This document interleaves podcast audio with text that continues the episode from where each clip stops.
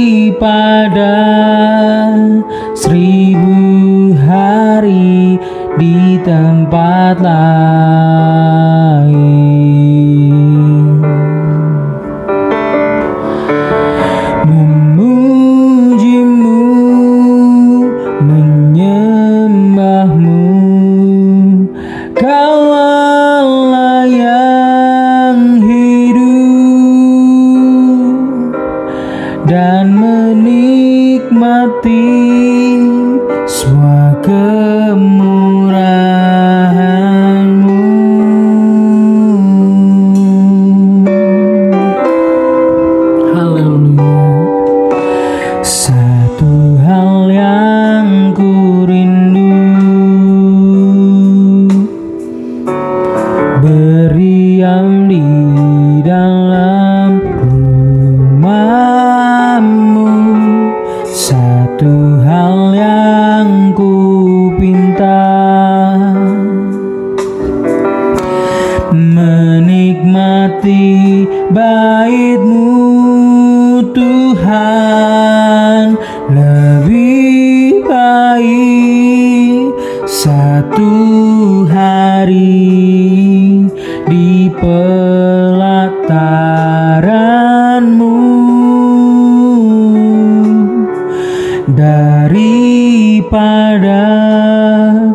Seribu hari di tempat lain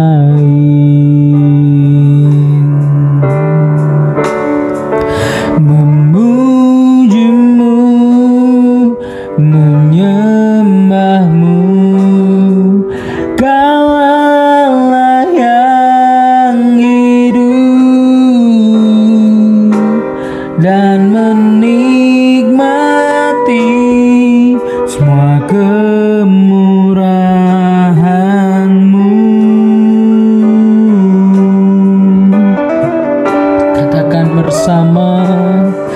Lebih baik satu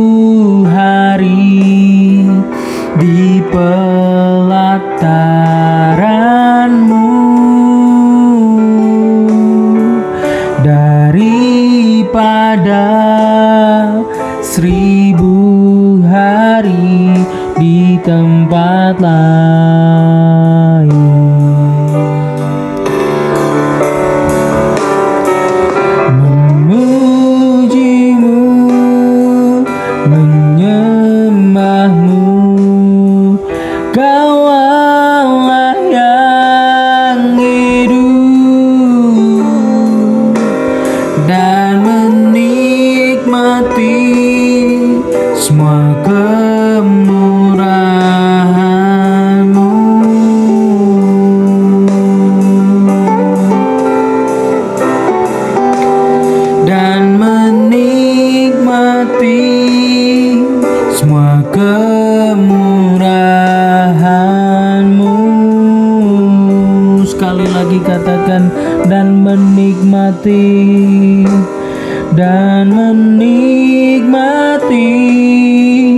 Semua kemurahanmu.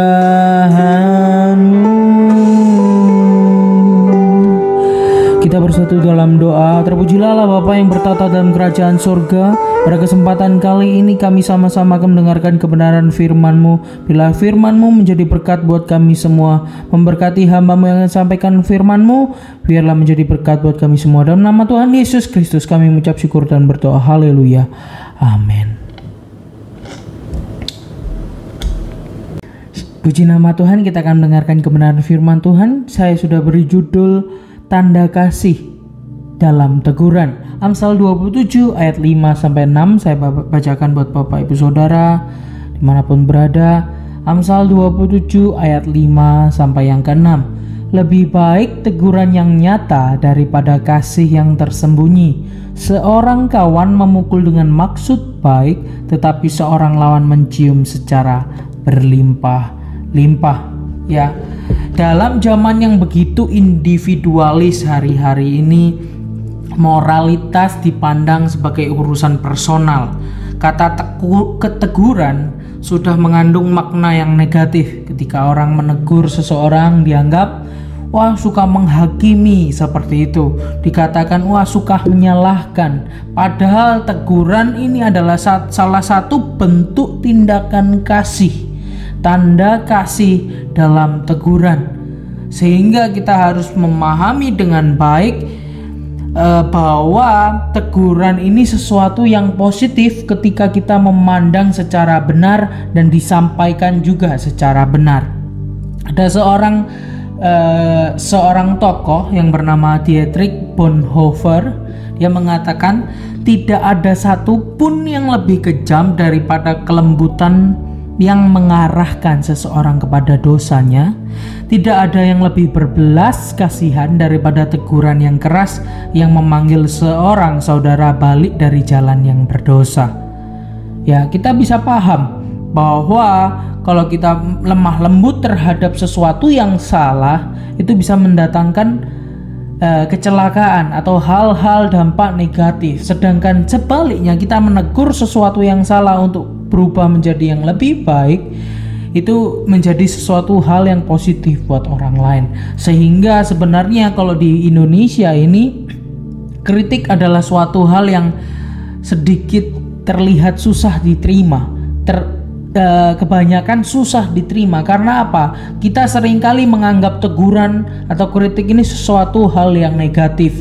Padahal kalau kita lihat di luar sana kritik kalau disampaikan dengan benar menjadi hal yang baik dan kritik jika diterima dengan benar juga menghasilkan sesuatu yang luar biasa yang baik dalam kehidupan setiap kita. Ya, kita lihat apa wujud tanda kasih dalam teks ini. Ya, yang pertama saya akan memberikan poin yang pertama, teguran adalah bentuk kasih. Ya, bagian ini merupakan sebuah paralelisme atau kesejajaran apa kesejajaran kata ya seperti itu. Jadi ada beberapa poin penting sepura, seputar teguran yang perlu kita soroti di ayat ini. Yang pertama, sub poin yang pertama, teguran yang nyata tidak selalu berbentuk teguran di depan publik. Kita harus paham bahwa teguran yang terbuka di sini ayat ini maksudnya adalah teguran secara jujur dan ini bukan di, di depan publik tentunya. Ya biasanya empat mata teguran yang personal seperti itu. Jadi sangat harus dilihat dari sisi yang baik. Teguran yang nyata itu maksudnya teguran yang terbuka. Misalnya kepada so, so, apa saudara atau sahabat kita bukan di depan orang banyak. Ya tetapi empat mata seperti itu. Tapi teguran di depan publik juga tidak bisa disalahkan ya. Beberapa contoh di Alkitab juga menyatakan bahwa ada ada batasan-batasan bisa menegur di depan publik jika sudah keterlaluan seperti itu. Yang kedua, poin yang kedua dalam teguran tanda kasih ini kasih sebagai tanda uh, teguran dalam tanda kasih ya, teguran harus didasari oleh kasih. Kita lihat salah satu tanda kasih dalam teguran ini teguran itu harus didasari dengan kasih.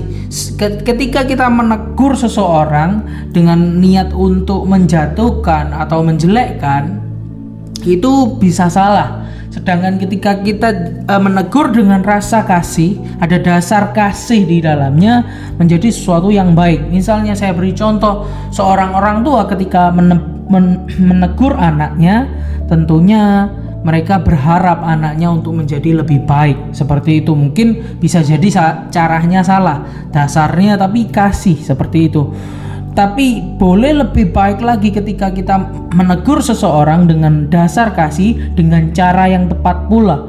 Ya, seperti itu sesuai konteks misalnya guru terhadap murid ada hukuman di dalamnya dalam teguran supaya apa? Memberikan efek jerah kepada murid-murid. Orang tua kepada anak seperti itu ya, suami kepada istri, istri kepada suami, saling menegur untuk membangun karena didasari oleh kasih. Seperti itu. Ayat 5 juga mengajarkan poin penting, subpoin yang ketiga saya boleh katakan. Kasih yang tersembunyi kadangkala merupakan wujud mementingkan diri sendiri. Banyak dari kita tidak mau menegur.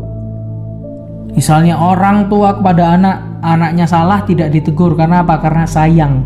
Sayang yang salah seperti ini sebenarnya ya, itu wujud dari mementingkan diri sendiri egois, tidak mau repot dan tidak mau uh, terjadi sesuatu yang merepotkan, sehingga tidak mau menegur. Ada sahabat terhadap sahabatnya, tidak mau menegur, takut masalah panjang, takut berdebat dan lain sebagainya. Nah, ini sebenarnya sebagai bentuk egois. Kenapa? Karena dia hanya mementingkan kenyamanan sendiri, bukan untuk kebaikan bersama. Seperti itu nyaman dan baik itu tidak sama Bapak Saudara. Seperti itu ya. Dan yang keempat dalam teks ini Teguran dengan kasih merupakan ajaran Alkitab yang konsisten.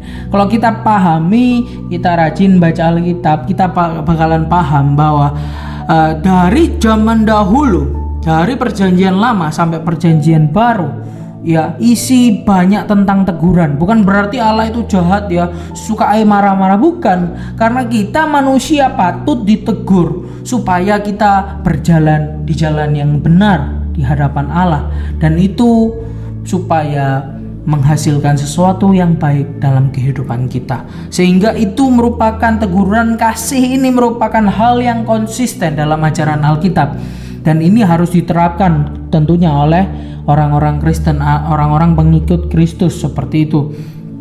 Jadi teguran dan hukuman bukan musuh dari kasih sayang.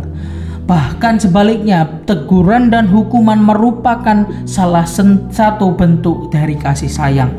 Misalnya perintah untuk menegur seseorang secara terus-menerus, Imamat 19 ayat 17, langsung diikuti dengan perintah untuk mengasihi sesama, Imamat 19 ayat 18. Artinya ini sesuatu yang paralel, bukan sesuatu yang bertentangan. Seperti itu Bapak Saudara.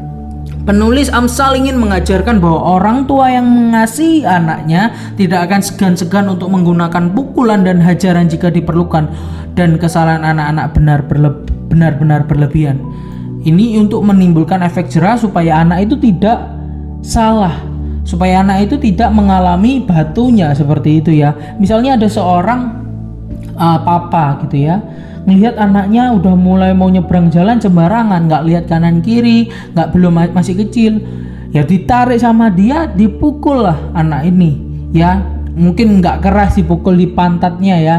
Tapi anaknya nangis karena ketakutan masih kecil pula. Tapi ini bertujuan untuk menimbulkan efek jerah terhadap anak supaya anak ini tidak celaka. Seperti itu. Sehingga kasih dalam bentuk teguran ini adalah satu pen, satu hal yang penting buat kita pahami di mana pun kita berada. Kadangkala firman Tuhan menegur kita secara langsung ya belak-belakan seperti itu ya. Kadang nggak enak sakit di hati ketika khotbah oh ini bapak pendetanya siapkan khotbah ini khusus buat saya. Bukan seperti itu bapak saudara. Tapi memang firman Allah itu bertujuan untuk menegur untuk menasehati kita menjadi lebih baik pribadi yang lebih baik dan menyenangkan hati Tuhan. Puji nama Tuhan. Poin yang kedua tadi kita udah lihat poin yang pertama uh, bahwa teguran adalah bentuk kasih ada empat subpoin seperti itu. Dan yang kedua sekarang kita lihat ketulusan sebagai tanda persahabatan ketulusan sebagai tanda persahabatan ayat yang keenam Seorang kawan memukul dengan maksud baik, tetapi seorang lawan mencium secara berlimpah-limpah. Ya, jadi ayat ini masih berkaitan dengan ayat yang kelima tadi uh, poin yang pertama ada ber, ber, beragam petunjuk dalam teks yang mendukung ke sana seperti itu. Kalau kita lihat sesuai teks Ibrani ayat 6 ini sebaiknya diterjemahkan sebagai berikut ini ya. Luka-luka dari seorang yang mengasihi dapat dipercaya, tetapi orang yang membenci memperbanyak uh, ciuman. Ya, seperti itu. Luka-luka di sini merujuk pada teguran yang keras dan menyakiti dari seorang sahabat. Kalau kita tahu Bapak Ibu Saudara kalau operasi itu saya baru-baru ini nonton drama tentang operasi dokter-dokter seperti itu.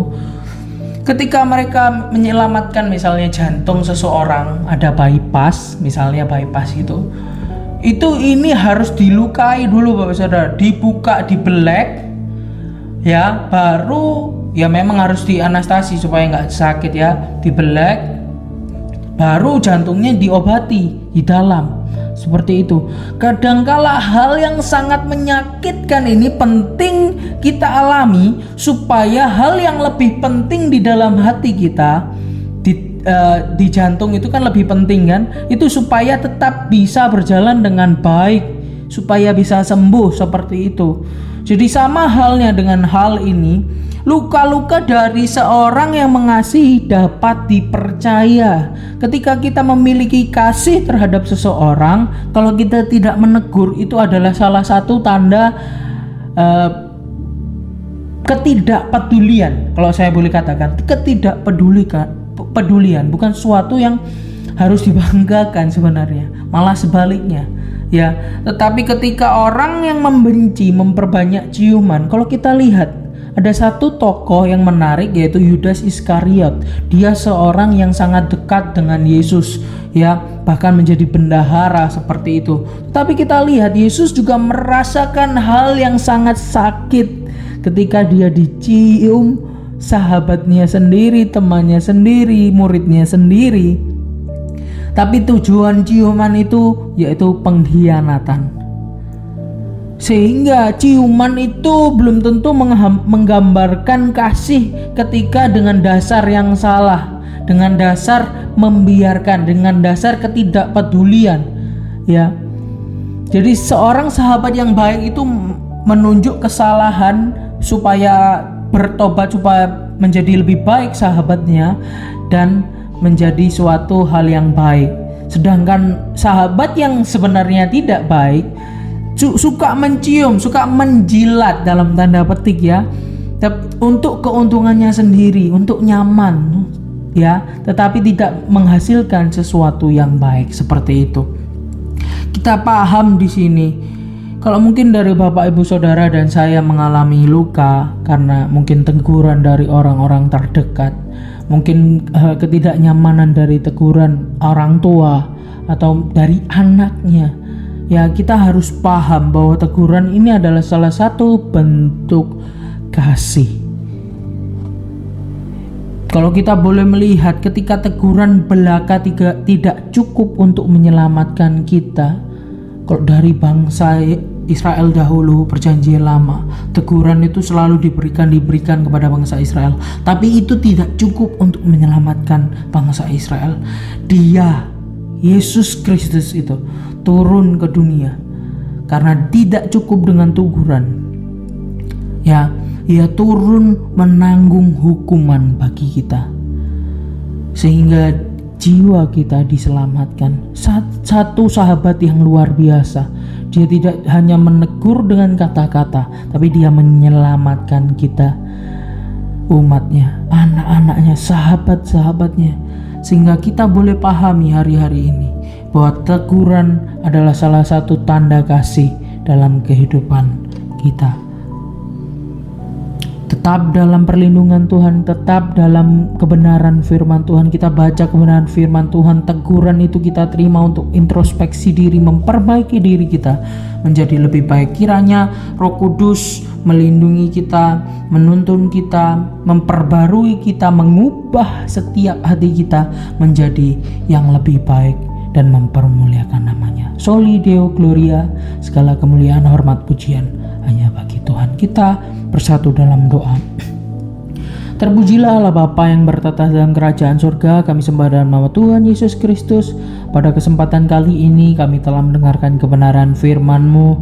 Biarlah firman-Mu menjadi uh, pedoman dalam hidup kami, menjadi standar hidup dalam kehidupan kami. Roh Kudus bekerja mampukan kami bukan sebagai pendengar saja, melainkan juga menjadi pelaku-pelaku kebenaran firman-Mu. Terima kasih Tuhan. Biarlah firman-Mu termeterai dalam hati kami, pikiran kami, hidup kami, sikap hidup kami menjadi berkat buat orang lain di mana pun berada. Kami mengucap syukur kalau Engkau sudah mati gantikan kami, tebus setiap dosa kami dan siapkan tempat buat kami dan Engkau tidak membiarkan kami sendiri karena ada Roh Kudus bersama kami. Terpujilah namamu Tuhan, kami ucapkan, kami alaskan doa ini hanya di dalam satu nama yang berkuasa di dalam nama Tuhan Yesus Kristus. Haleluya. Amin. Puji nama Tuhan kiranya pod, rangkaian podcast pada kesempatan hari ini dapat memberkati Bapak Ibu Saudara. Tuhan Yesus memberkati. Shalom.